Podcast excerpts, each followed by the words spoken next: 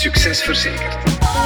Welkom bij Succes Verzekerd, een videopodcast van Van Breda Risk Benefits, waarin we verzekeringsexperten aan de tand voelen over nieuwe risico's en continuïteitsuitdagingen voor ondernemingen. En vandaag praat ik met Veerle Geudes. Zij is expert landbouw en klimaat. Het gaat onder meer over de oogstverzekering, maar ook over de impact van meteorologische veranderingen op die oogst. En over hoe landbouwers en bedrijven, die afhankelijk zijn van grondstoffen, zich nog beter kunnen beschermen. Veerle, wie ben jij en wat doe jij? Ik ben, uh, zoals gezegd, Veerle Geurens. Ik werk uh, bij Van Breda op de afdeling Business Development en Innovation. Uh, dat is een mond vol om eigenlijk te zeggen dat ik de productontwikkelaar ben van de Van Breda Oogstverzekering, um, een brede weersverzekering. er zijn al een paar termen gevallen. We gaan het inderdaad hebben over meteorologische verschijnselen vandaag. Um, wat valt er allemaal onder? Over wat hebben we het dan?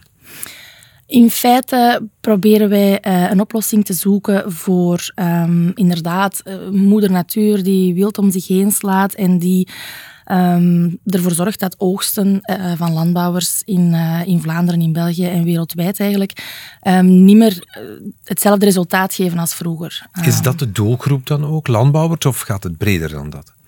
We, we werken breder. Uh, Van Breda is in feite een uh, makelaar voor uh, bedrijven origineel.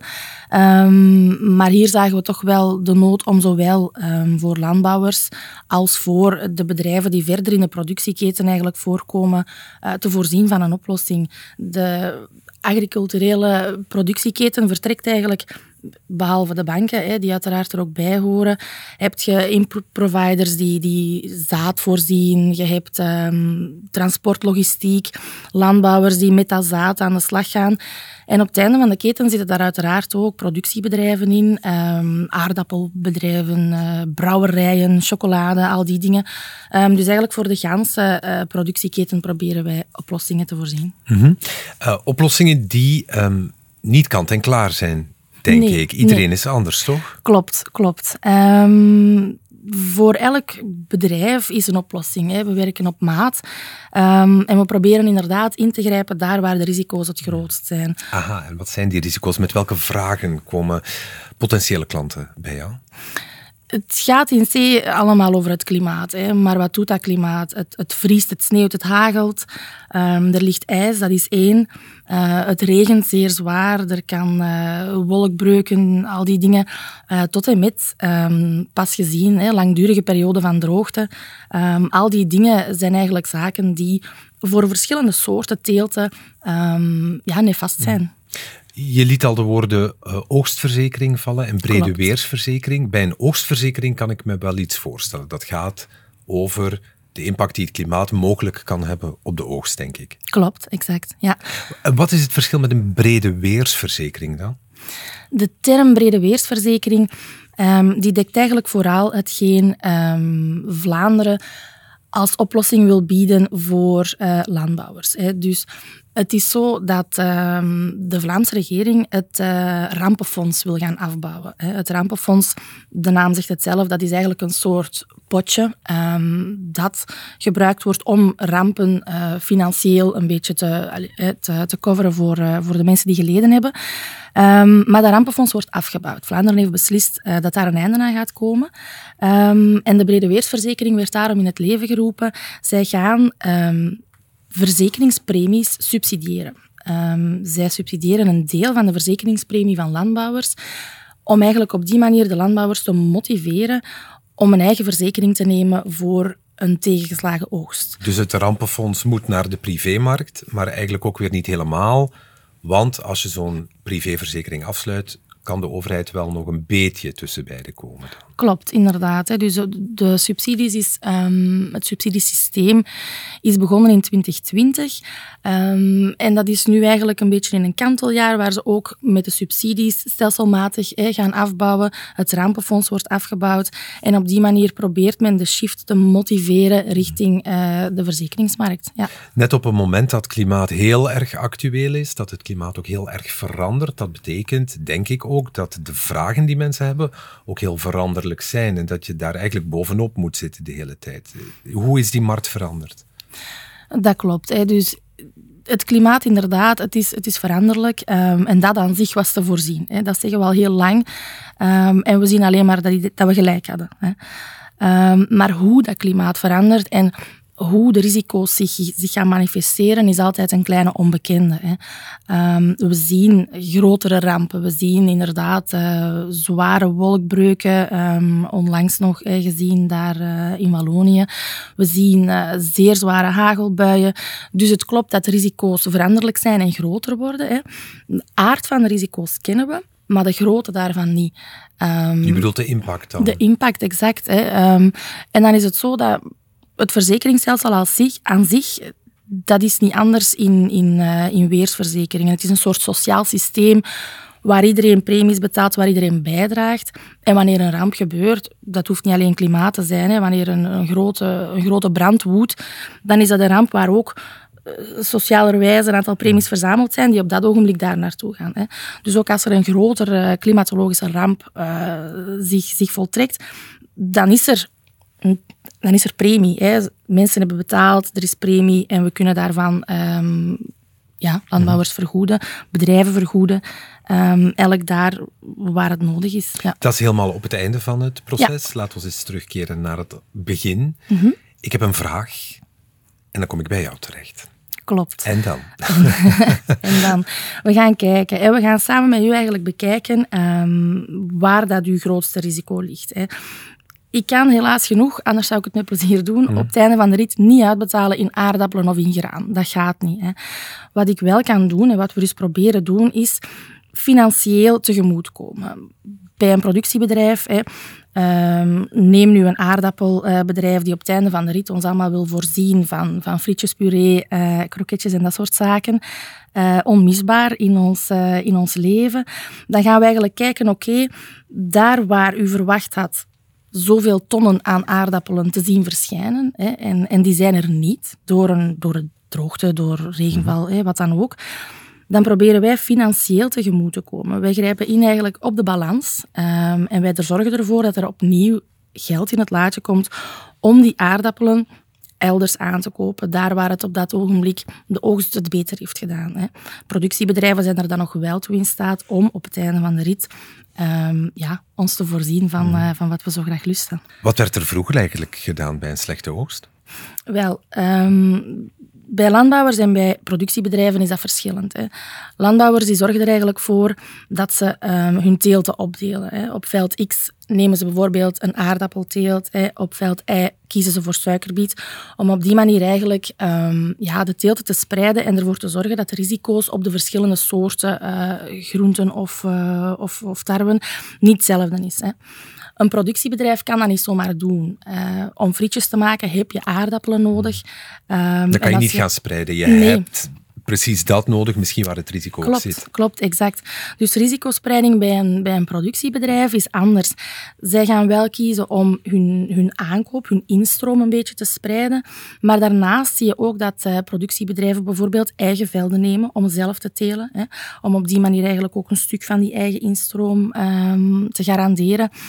Ja, zij proberen uh, niet al hun eieren in hetzelfde mandje te leggen. Hè. Helpt dat ook um, als je die portefeuille moet gaan samenstellen, dat een bedrijf dat verschillende ja, appels in de mand heeft liggen, mm -hmm, dat dat beter is? Beter, de oplossing is verschillend. Hè. Um, voor eigen velden ook bij productiebedrijven kunnen we teruggrijpen naar dat gesubsidieerde um, verhaal van uh, de Vlaamse overheid. Hè. Dat is één.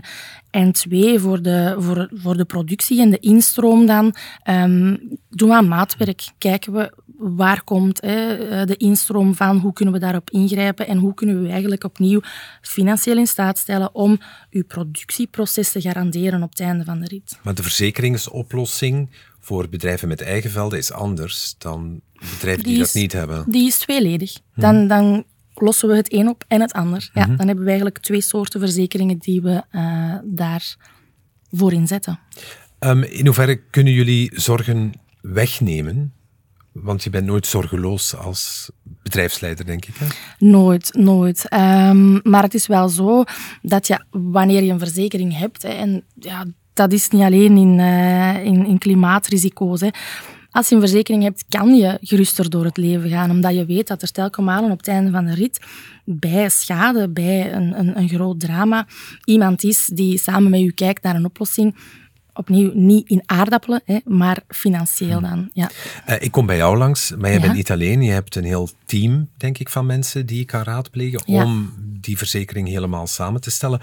Hoe ziet dat er dan uit? Komen jullie langs op het bedrijf of hoe gaat dat proces in zijn werk? Ja, wij komen met heel veel plezier uh, ter plaatse op het bedrijf of uh, met de botten in slijk, even graag. Um, om dan inderdaad te kijken, één, wat is de verwachting? We kijken eigenlijk samen met bedrijfsleiders, CFO's, aankoopverantwoordelijke, landbouwers aan zich. Um, we kijken samen wat is de verwachting. Hè.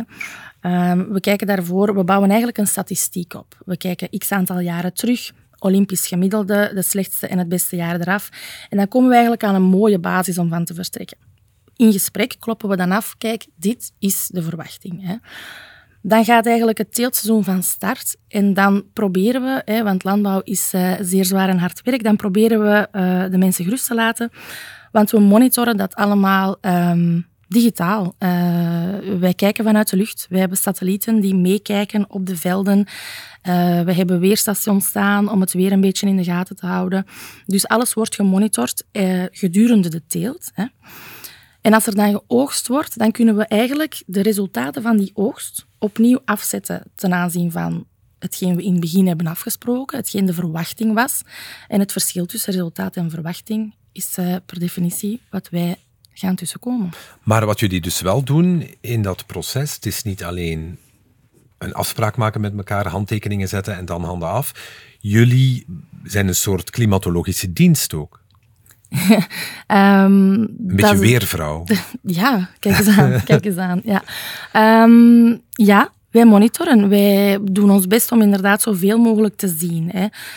Um, vanuit de lucht, satellietbeelden, dat is één. Hè. We zien al heel veel. We zien hoe groen de bladeren mhm. zijn. We zien hoe de oogst het doet, wanneer iets uitkomt. Daar kan, daaraan kan je ook vaak zien wanneer iets gezaaid is. Um, aan de kleur van de bladeren zie je bemesting. Je ziet heel veel op, uh, op satellietbeelden, dat is één.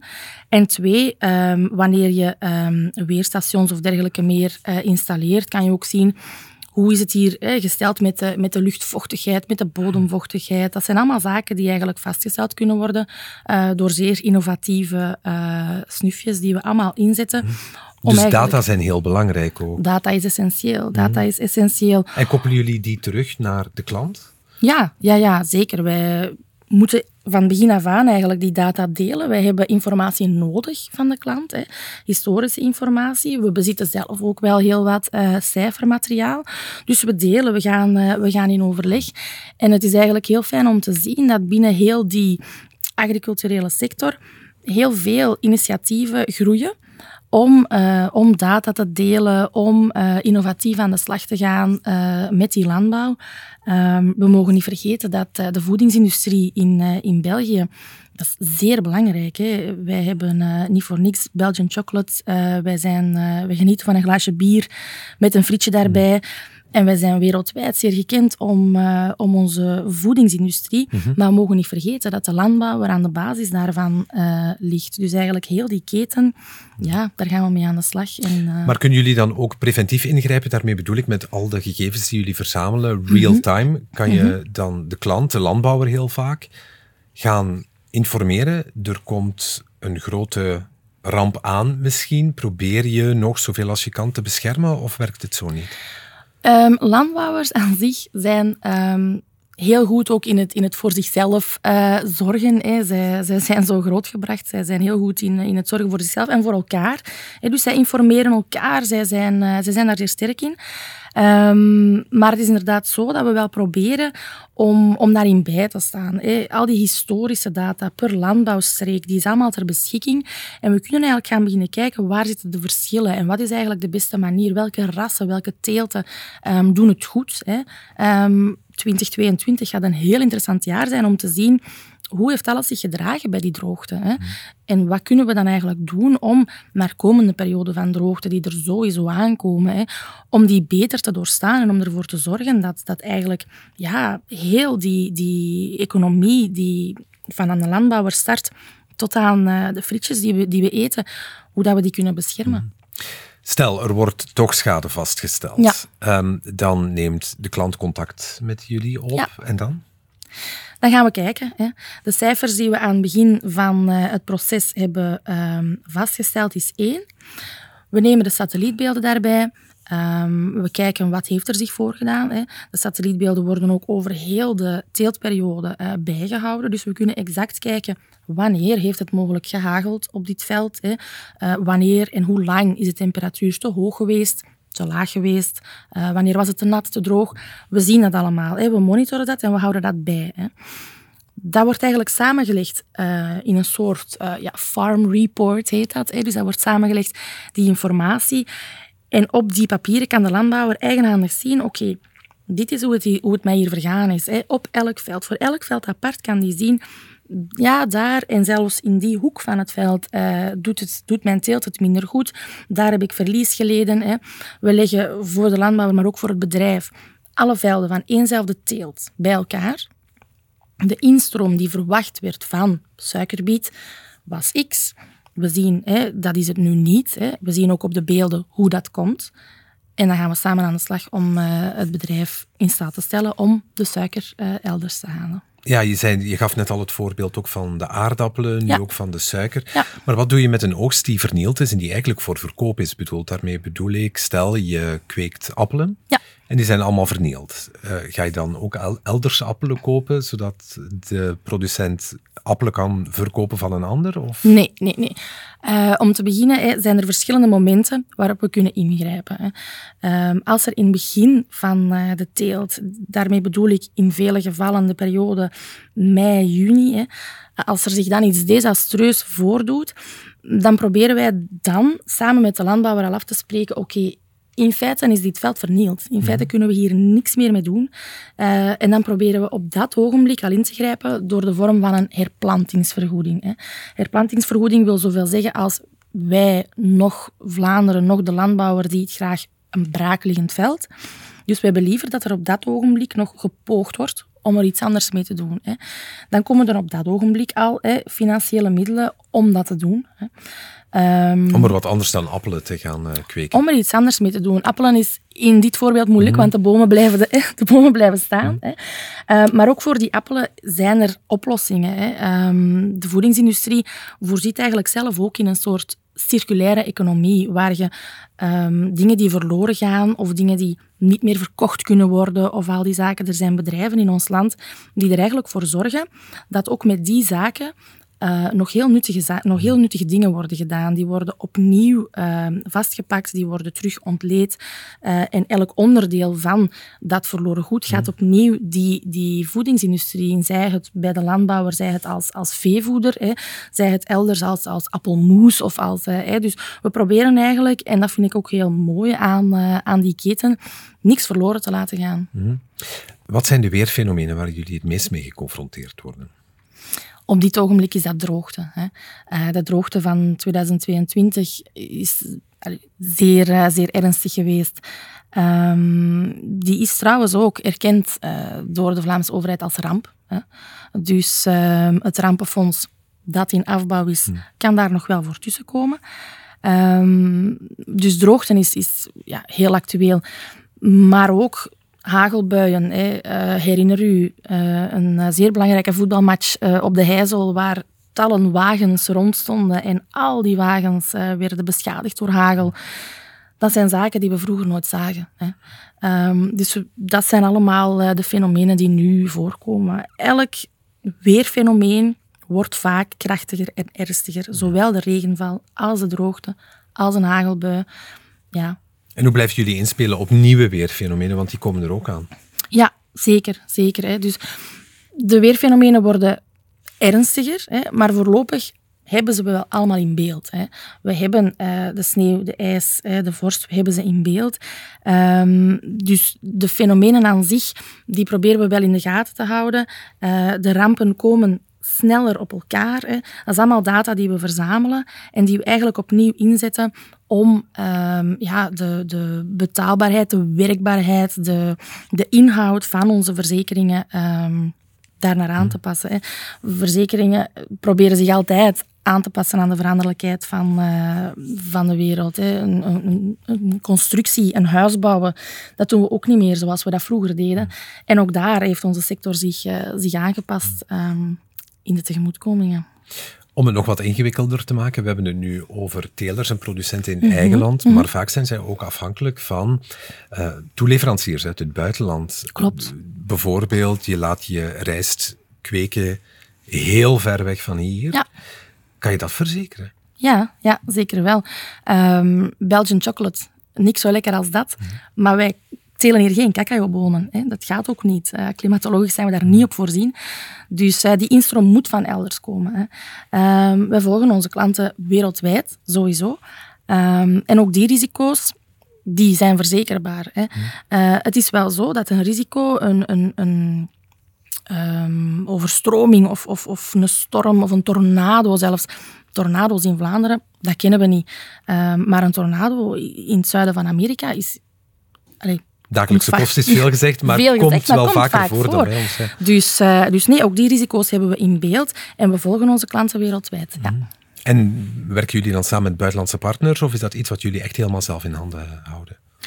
Wij werken als Van Breda sowieso internationaal, maar we hebben daar wel een netwerk voor. Um, het is ook zo dat je niet um, ja, uh, bovenop alles kan zitten. Hè. Dus het is beter experten ter plaatse te hebben en, uh, en die informatie te verzamelen. En ook dat gaat over data delen. Ook dat gaat over uh, informatie bijhouden, historiek um, bijhouden en delen. Delen met elkaar die informatie. Ja. We hebben het over heel veel verschillende weerfenomenen gehad. Weerfenomenen die er ook nog aankomen, mm die elkaar steeds sneller opvolgen.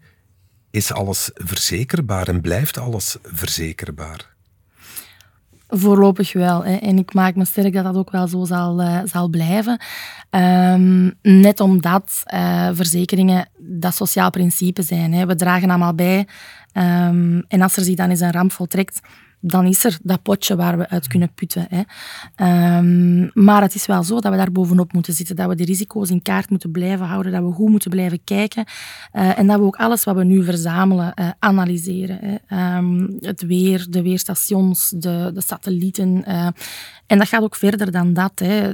We zijn daar zeer innovatief in. Ik, um, ik verschiet nog dagelijks van, van hoe Vlaanderen zich daarop aan het voorbereiden is. We hebben bedrijven die, die dronebeelden maken en die al artificieel intelligentie achter die droombeelden hebben om alles in te schatten, om, om, om plantjes te tellen. Um, bedrijven die ook al wereldwijd actief zijn daarin. Dus uh, we zijn daar sterk in en uh, we volgen die innovatie op de voet. Ja. Mhm. En hoe zie je de markt nog verder evolueren? Ja, in die richting. Ik, uh, ik hoop eigenlijk met alle plezier zelfs dat wij hier over vijf jaar samen terugzitten en dat ik u wel eens kan vertellen over, over drones en over, ja, over, over het analyseren van die beelden, over over data, uh, want dat is wel de way to go. Uh, landbouwers weten dat, productiebedrijven weten dat. Uh, we moeten die richting uit. En, en we zijn echt die shift aan het maken van, van ja, delen met kennis die we delen met, met vader en grootvader, naar nu delen met kennis die we delen in de hele sector. Um, en we weten ook meer, we kijken goed mee. Um, dus ja, dat wordt een heel, uh, hele interessante periode om te volgen. Ja. en elk nadeel heeft ook een voordeel. Misschien is over vijf jaar sneeuw wel een verre herinnering. En ook vriestemperaturen die oogsten kapot kunnen maken. Dat zou zomaar kunnen, hoewel dat ik wel geniet van uh, een sneeuwdekje af en toe. Ja, allemaal toch. Gelukkig zijn er nog seizoenen. Dankjewel, Veerle Geudes. Met veel plezier. En u wil ik graag bedanken voor het kijken en of het luisteren. Het laatste woord is voor de CEO van Van Breda Risk and Benefits, dat is Pedro Matijnsens. Dit is zijn blik op de zaak. Wegens de klimaatverandering is er veel te doen in de verzekeringswereld om zogenaamde parametrische verzekeringen. Parametrische verzekeringen zijn verzekeringen die gebaseerd zijn op een ander model dan het traditionele indienen van een claim beoordelen door middel van een expertiseonderzoek om vervolgens over te gaan tot betaling. Bij een parametrische verzekering bepaalt men een waarde die automatisch gaat zorgen voor de betaling van schade.